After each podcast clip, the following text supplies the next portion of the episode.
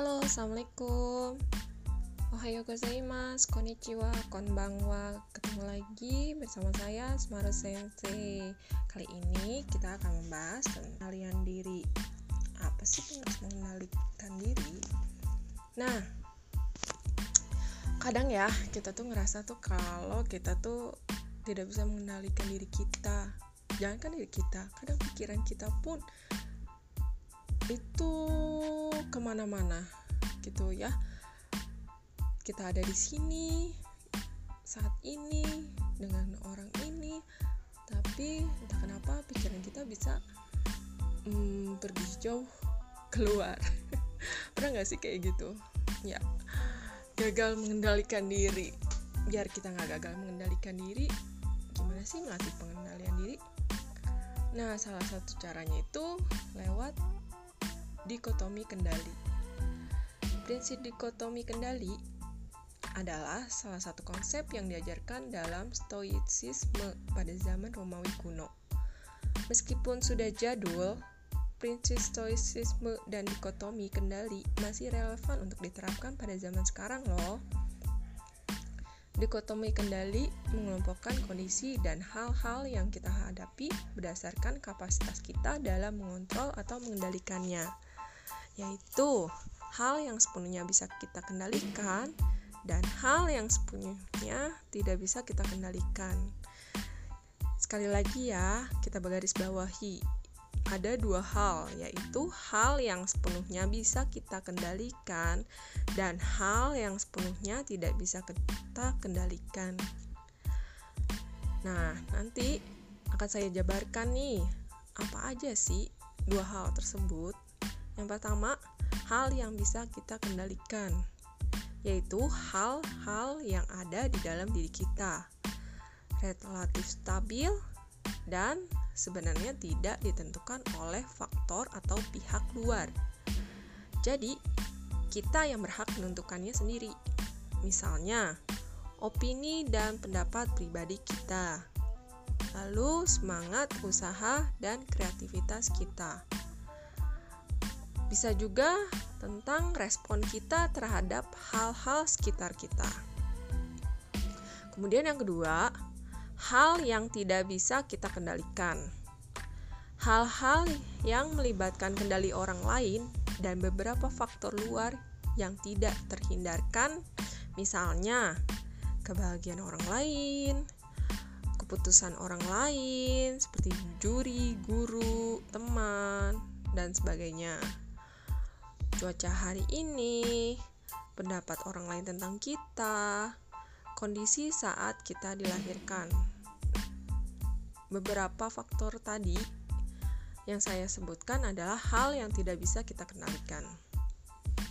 Hmm, apakah artinya kita sama sekali nggak bisa mengendalikan hal eksternal, hal di luar diri kita? Tenang kok, ada hal eksternal yang tentu bisa kita usahakan Diusahakan ya, tapi bukan dikendalikan. Misalnya, setir, gas, dan rem yang kita miliki. Mengetahui jalan lewat peta, siap-siap bahan bakar, dan sebagainya. Kemudian, perjalanan, situasi, dan cuaca tidak bisa kita atur. Itulah hal-hal yang bisa kita usahakan terkait ketika kita dalam perjalanan misalnya. Kita bisa memberikan usaha terbaik kita agar hal yang kita inginkan tercapai. Tetapi, perlu kita sadari bahwa ada faktor penentu lain yang nggak bisa kita apa-apain.